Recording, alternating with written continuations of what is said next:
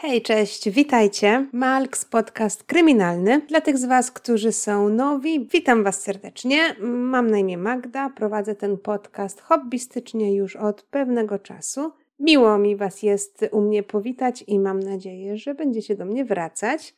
Tak samo serdecznie witam stałych słuchaczy i słuchaczki. Tak jak za każdym razem opowiem Wam dzisiaj kolejną historię kryminalną. Dziś odcinek 80. Dajecie wiarę, w ogóle wow. Myślę, że możemy sobie bić brawo. Ja dlatego, że nadal nagrywam i że jest mi z odcinka na odcinek przyjemniej nagrywać ten podcast. A propsy dla Was za to, że mnie chcecie dalej słuchać i że zostawiacie mi te wszystkie przymiłe komentarze i te lajki i subskrybujecie ten kanał. Bardzo Wam za to dziękuję. A dzisiaj już przechodząc do sprawy, opowiem Wam wstrząsającą historię. Historię bardzo, bardzo smutną. Taką historię z serii Nigdy nie wiesz, kto u Ciebie mieszka za drzwiami. Zatem po dżinglu przejdziemy do historii małej Maddie Clifton.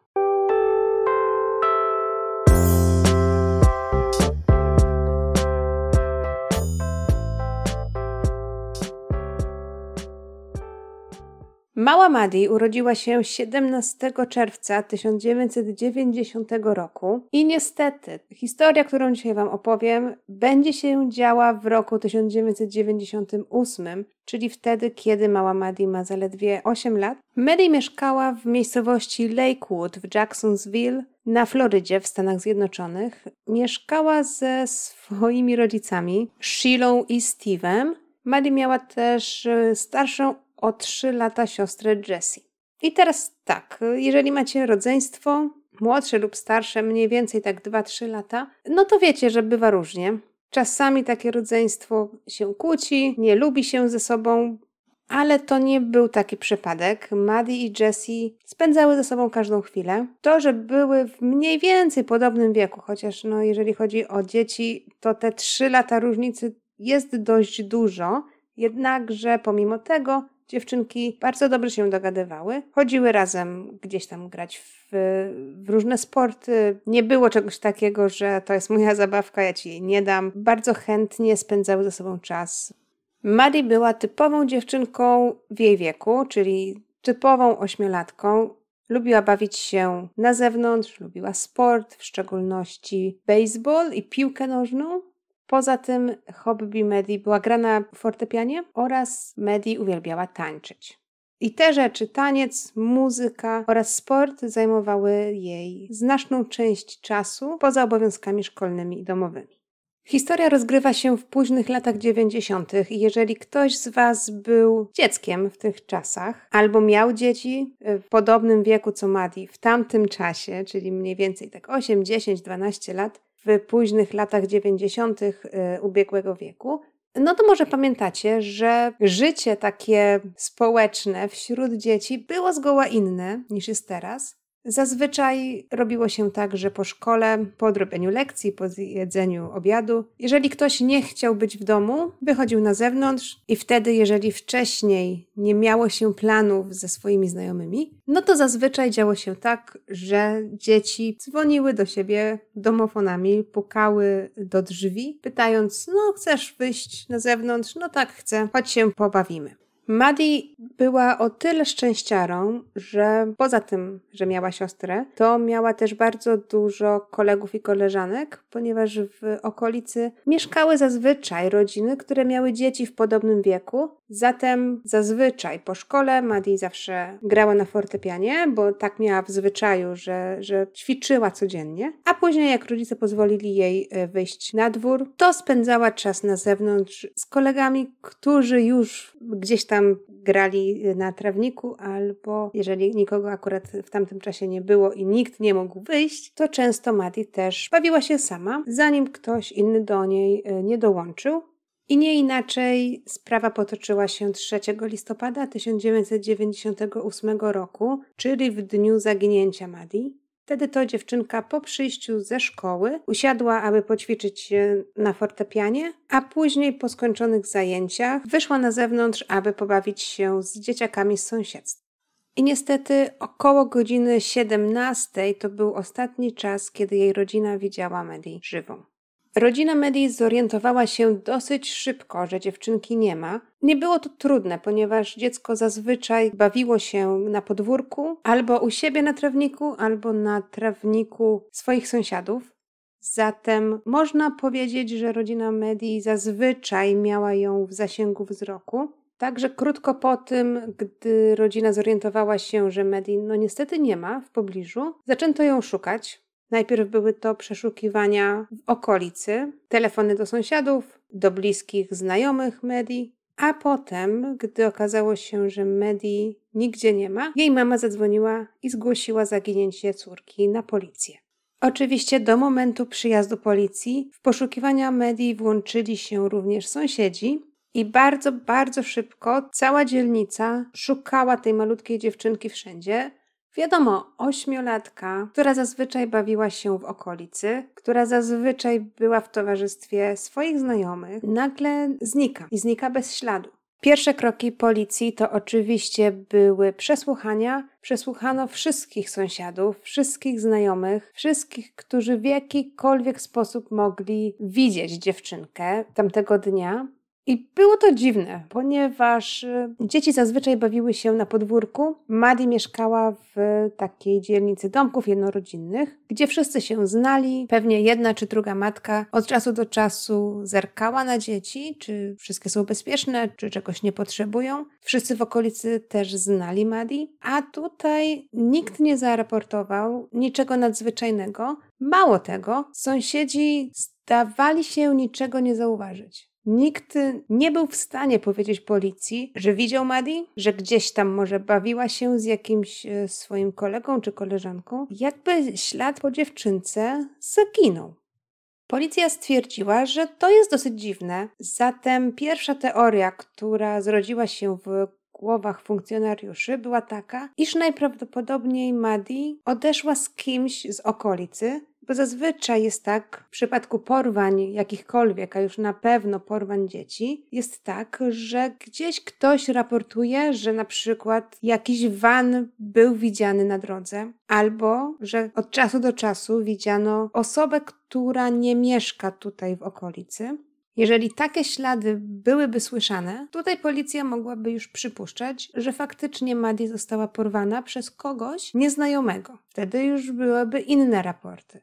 Ale w momencie, kiedy wszyscy sąsiedzi zaraportowali, że nie widzieli nic nadzwyczajnego, policja stwierdziła, że w takim razie Maddie pewnie była z kimś, kto jest znany w okolicy, z jakimś sąsiadem, dlatego nikt nie zwrócił uwagi na coś nadzwyczajnie podejrzanego. Poszukiwania trwały, włączyło się w nie bardzo dużo wolontariuszy. Zdjęcia dziewczynki oczywiście były na billboardach, były na koszulkach, były na słupach ogłoszeniowych. Pojawiła się też nagroda 50 tysięcy dolarów za jakiekolwiek informacje w sprawie zaginięcia dziewczynki. Nic jednak nie ruszało się do przodu. W końcu, idąc tropem teorii, że porywacz Madi jest kimś z okolicy, policja ogłosiła, że ma podejrzanego. Był nim Larry Grisham, sąsiad Cliftonów, Larry był w swojej przeszłości jakieś 15-20 lat wcześniej dwukrotnie aresztowany, oskarżony o napaści na tle seksualnym. Oba te zarzuty zostały oddalone, jednak przeszłość jest przeszłością i Larry został pierwszym podejrzanym w sprawie, jednak okazało się, że ma dość solidne alibi i policja szybko porzuciła ten trop. Śledczy byli w załuku, zatem w sprawę włączyło się FBI. Tutaj muszę Wam powiedzieć, że dni mijały i śledczy zaczęli też szukać troszeczkę czegoś innego, ponieważ to, to jest zaginięcie dziecka. To są sprawy takie bardzo delikatne i trzeba w takich sprawach naprawdę szybko ruszyć do przodu, bo liczy się każda minuta. W momencie, kiedy w sprawę włączyło się FBI, a na wierzch nie wypływały żadne nowe dowody, policja zaczęła również przeszukiwać rzeki, przeszukiwać las, no niestety w poszukiwaniu ciała. W międzyczasie rodzina Cliftonów podwoiła nagrodę, także za każdą informację, która pomogłaby w znalezieniu Maddie, można było otrzymać nie 50 tysięcy, ale już 100 tysięcy dolarów, Pomimo tego, pomimo tych wszystkich starań, pomimo zaangażowania sąsiadów, pomimo udziału FBI, niestety nadal i nadal i nadal nic nie posuwało się do przodu. Ale to miało się zmienić, bo już 10 listopada, czyli tydzień po zniknięciu Maddie, rodzina Clifton miała dostać wiadomość, której no nikt nigdy nie chce usłyszeć. W sąsiedztwie rodziny Clifton mieszkała rodzina Phillips. Była to Melissa i Steve. Para miała syna, 14-letniego Joshua Phillipsa. Joshua i Mary oczywiście się znali, bo byli sąsiadami. Czasami gdzieś tam może spędzali czas na podwórku wspólnie, no ale z racji tego, że Joshua był 6 lat starszy od Mary, no nie mieli ze sobą aż tak dużego kontaktu. Joshua już był wczesnym nastolatkiem, no i nie interesowało go już przebywanie z dziećmi. Joshua nie miał też e, zakolorowo w domu, ponieważ jego ojciec Steve był osobą temperamentną i taką raczej dominującą w domu. Był agresywny w stosunku do swojej żony i syna, narzucał takie twarde zasady wychowawcze i był bardzo surowy. Dodatkowo mężczyzna był niestety uzależniony od alkoholu i narkotyków. 10 listopada we wczesnych godzinach porannych Melisa, matka Joshua, stwierdziła, że posprząta w domu. Syn akurat był już w szkole, jej męża też nie było w domu. Zatem Melisa, korzystając z okazji, zaczęła sprzątać pokój syna i niestety, ale dokonała szokującego odkrycia. Okazało się, że łóżko Joshua przecieka, a Joshua miał y, łóżko wodne. Melisa przyjrzała się jemu bliżej. Okazało się, że Joshua próbował sam zareperować to łóżko, jednak mu się nie udało. W pokoju syna czuć było też taki dziwny zapach, jakby stęchlizna, ale Melisa pomyślała, że, że to może od tego łóżka wodnego, że gdzieś tam łóżko przeciekało i przeciekało już parę dni. Może gdzieś pojawił się jakiś grzyb. Joshua miał też ptaki, no i wiadomo, jak to nastolatek, Joshua nie do końca regularnie sprzątał w klatce swoich ptaków, więc Melisa pomyślała, że to wszystko ze sobą się może jakoś połączyło i stąd jest ten no, zapach taki lekko zgnilizny. Pomyślała zatem, że to jest idealny czas, będzie sprzątać. Podeszła więc do łóżka, bo stamtąd chciała zacząć sprzątanie. Chciała też zobaczyć, co tak naprawdę stało się z tym materacem i dlaczego przecieka. Podniosła materac i jej oczom ukazało się coś, czego żadna matka nigdy nie chce zobaczyć. Melisa odkryła, że pod łóżkiem jej syna leży ciało dziewczynki, Dziewczynka, która tam leżała, była dobrze znana Melisie, ponieważ Melisa znała ją z okolicy i natychmiast rozpoznała, że to jest zaginiona Maddie Clifton. Kobieta była w szoku, nie wiedziała, co ma ze sobą zrobić. Natychmiast wybiegła z domu i zaczęła biec w kierunku domu Cliftonów, ponieważ wiedziała, że tam na pewno jest jakiś policjant. I tutaj muszę się chwileczkę zatrzymać, bo może część z Was też ma gdzieś tą myśl z tyłu głowy. Oczywiście, jako człowiek, pierwsza rzecz, to taka instynktowna rzecz, znajdujesz no, ciało dziecka, od razu zgłaszasz na policję, no bo tak się powinno robić. Ale z drugiej strony zastanawia mnie to, że matka znajduje ciało dziecka w pokoju swojego syna i pierwsze co robi, to natychmiast biegnie zgłosić to na policję nie dzwoni do męża, może zadzwoniła, może mąż nie odbierał, no a jak nie odbierał, no to no nie wiem, ja bym chyba poczekała, aż mąż do mnie dzwoni. Ciężko mi powiedzieć, bo w tym momencie no mijały naprawdę, no co, minuta, dwie, może pięć i Melisa od momentu znalezienia ciała dziewczynki do momentu przekroczenia progu domu Cliftonów, no już tutaj jakby powzięła tę decyzję, że w momencie, kiedy zaraportuje znalezienie ciała, Głównym podejrzanym będzie jej jedyny syn. Nie wiem, czy tutaj się wyrażam jasno do końca. Dajcie mi znać, co na ten temat myślicie tutaj, bo no, ja myślę, że Melisa gdzieś tam miała z tyłu głowy nadzieję, że, że to jest pomyłka, że to nie jest jej syn, że nic, jej syn nie ma związanego z tym morderstwem, że to nie on to zrobił, że może został wyrobiony, albo że sam nie wiedział, że pod łóżkiem jest martwe ciało dziewczynki. Albo z drugiej strony Melisa była w takim szoku, że nie wiedziała, co robić i że zgłoszenie natychmiast tego wszystkiego na policję było dla, nim, dla niej jedynym słusznym wyjściem z sytuacji.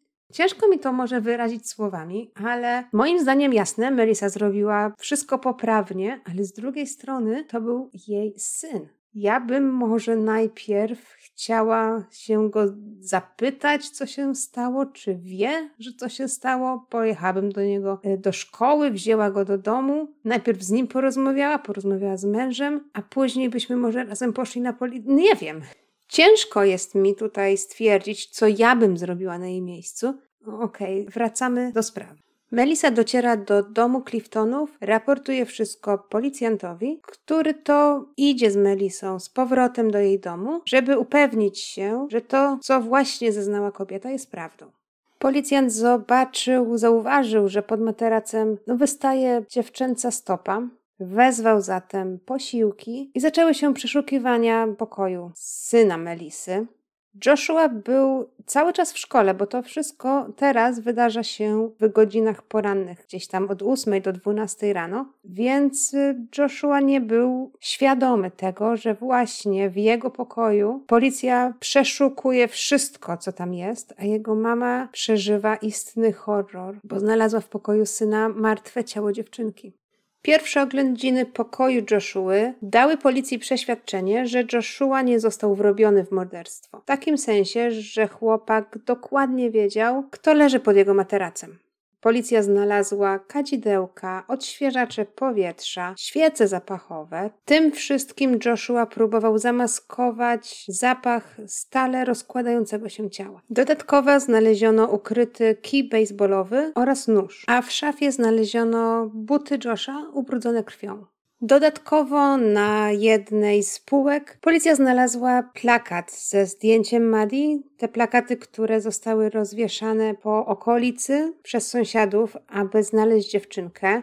Joshua brał udział w tych poszukiwaniach. Joshua rozwieszał te plakaty i rozmawiał ze swoimi sąsiadami, mówiąc im, że ma nadzieję, że Madi zostanie odnaleziona zdrowa i cała.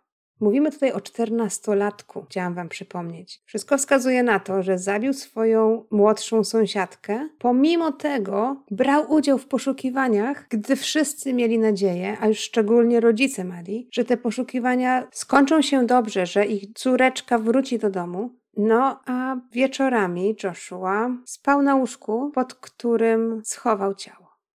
To wszystko było wystarczające, aby policja natychmiast pojechała do szkoły Joshua i niestety, ale przy wszystkich zaaresztowali chłopaka. Joshua potem natychmiast został umieszczony na komisariacie i śledczy zaczęli go przepytywać. I teraz przedstawiam Wam wydarzenia, bazując na tym, co chłopak zeznał policji. 3 listopada 1998 roku, czyli w momencie zaginięcia, Maddie wróciła ze szkoły, odrobiła lekcje, zagrała na fortepianie i potem wyszła na dwór pobawić się. Jej przyjaciele z podwórka nie mogli akurat wtedy wyjść, zatem Maddie pukała od drzwi do drzwi, próbując ściągnąć kogoś do zabawy. Ostatnią osobą, do której zapukała, był właśnie Joshua. Pomimo tego, że było tam sporo lat różnicy, czyli 14 minus 8, czyli 6, ale Joshua zgodził się. Był sam w domu i teraz ważne jest to, że Joshua nie powinien się zgodzić, ponieważ jego rodzice zabronili mu wychodzić na zewnątrz w momencie, kiedy ich nie było w domu. Zabronili mu też mieć jakichkolwiek gości, kiedy ich nie było w domu. Podczas gry w baseball Maddie rzucała do niego piłkę, a on odbijał ją kijem baseballowym i w pewnym momencie, na nieszczęście, ta piłka trafiła Maggie w oko i dziewczynka zaczęła momentalnie krwawić, oczywiście płakać, krzyczeć. To jest ośmiolatka. I tutaj Joshua spanikował, bo po pierwsze, Maddie krzyczy, płacze, po drugie, krwawi, po trzecie, on nie mógł być na zewnątrz, nie mógł grać z nią w baseball, ponieważ jego rodzice nigdy mu nie dali pozwolenia na to, aby był na zewnątrz, podczas gdy jest sam w domu. Chłopak totalnie spanikował i bojąc się reakcji rodziców, postanowił zaciągnąć Maddie do swojego domu. Ale dziewczynka płakała i płakała, krzyczała, bo ją po prostu bolało i z tego stresu i z tej paniki i z tego przeświadczenia, że zaraz ojciec wróci do domu i będzie zły, Joshua chwycił pierwszą rzecz, którą miał pod ręką, czyli ten kij baseballowy i uderzył Maddie dwa razy w głowę, aby ją uciszyć. Maddie padła na ziemię i wtedy Joshua z tego wszystkiego, tak jeszcze raz zaznaczam, tak mówił policji, wziął dziewczynkę i wepchnął ją pod łóżko. I teraz uwaga, bo e, ta rzecz, no muszę Wam o tym powiedzieć, ale ostrzegam, że to jest naprawdę, naprawdę makabryczne.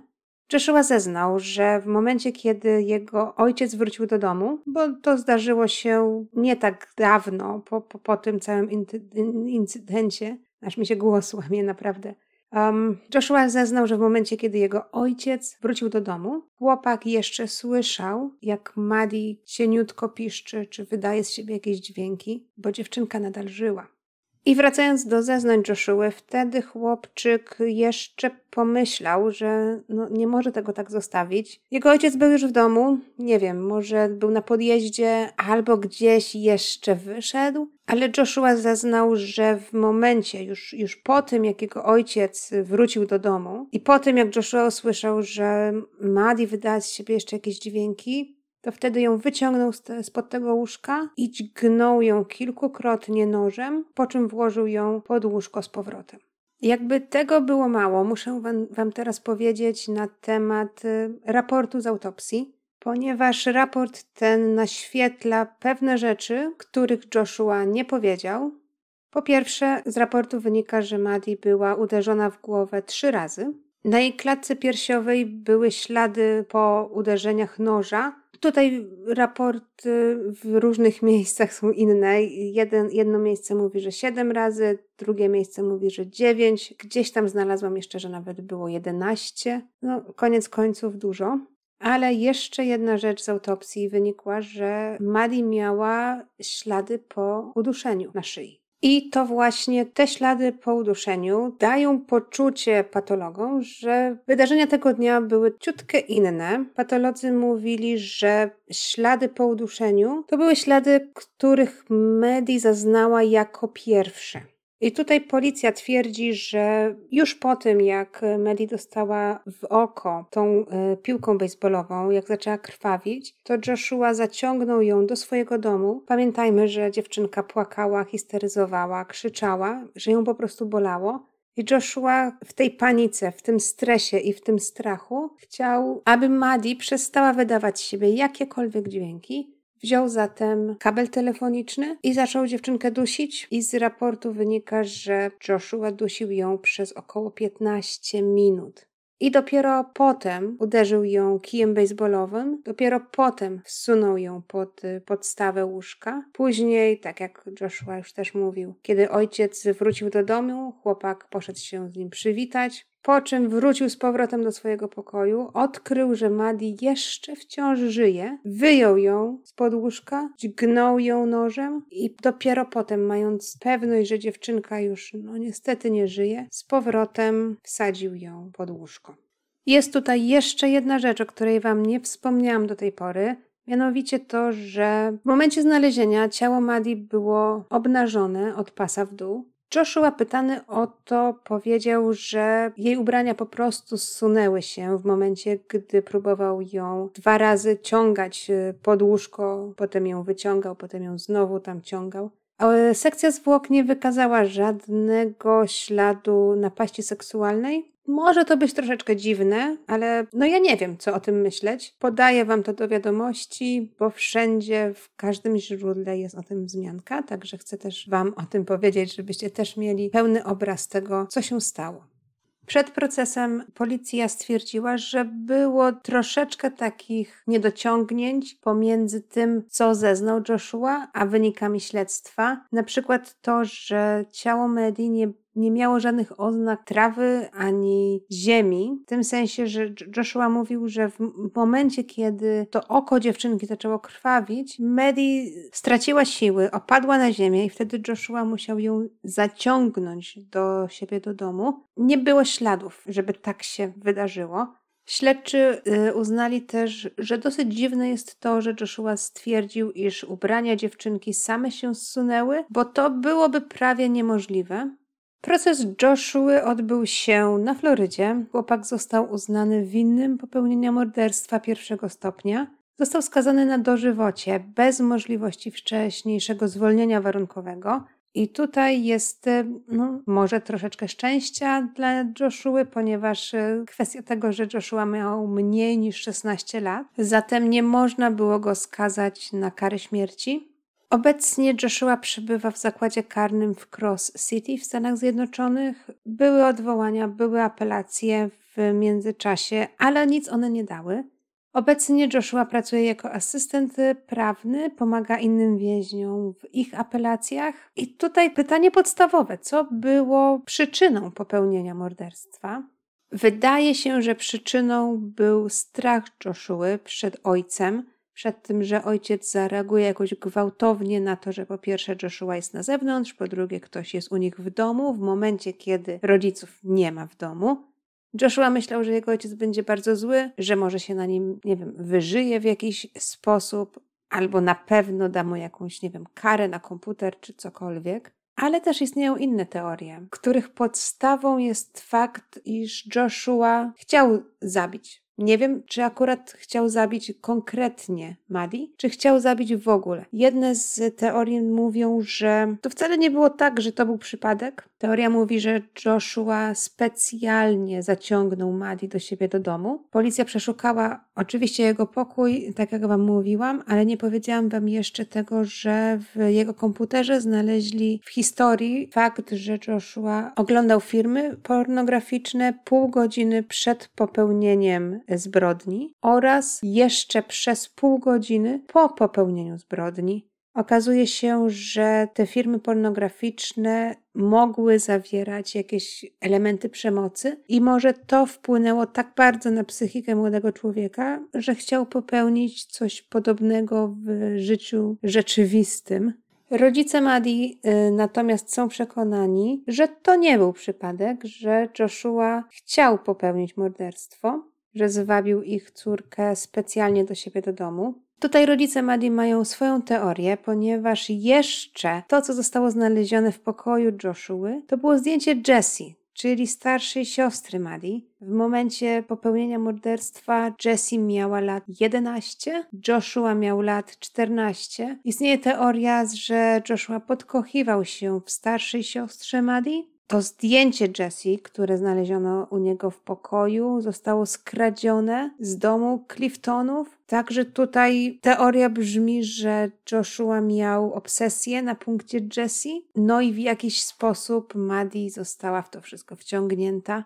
Tym zakończę ten odcinek. Wiem, że no sceny, które i tak zawsze poruszam, bo to są historie kryminalne, one są makabryczne, ale tutaj no to wszystko porusza. Naprawdę gdzieś tam krwawi ci serce, słuchając takich historii i wiedząc, że w sprawę zostały zaangażowane no, no dzieci. No 14 lat, 11 lat i 8. Przykre to jest bardzo.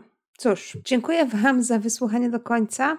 Przepraszam, może gdzieś tam słyszycie lekką chrypkę jeszcze, ale próbuję się kurować. Tak jak mówiłam Wam, na Instagramie złapało mnie choróbsko. Właśnie, jeżeli chcecie być na bieżąco, to zapraszam. Mój Instagram to jest Malks, podkreślnik. Zawsze jest też w opisie każdego odcinka adnotacja. Możecie mnie tam znaleźć. Cóż, dzięki wielkie jeszcze raz. Jak Wam się podobało, zasubskrybujcie, dajcie łapkę w górę, ponieważ to pomaga mi rozwinąć ten kanał. Dajcie też um, gwiazdki, pięć gwiazdek ratingu na Spotify, czy na Apple Podcast, czy gdziekolwiek słuchacie. Będzie mi naprawdę, naprawdę miło. To mi daje też y, kopa do dalszego działania. Standardowo. Miłego dnia, jeżeli słuchacie podcastu rano, i udanego, wspaniałego wieczoru, jeżeli słuchacie go po południu. My słyszymy się już w następnym odcinku. A na razie, kochani, dzięki wielkie i buźka. Pa, pa!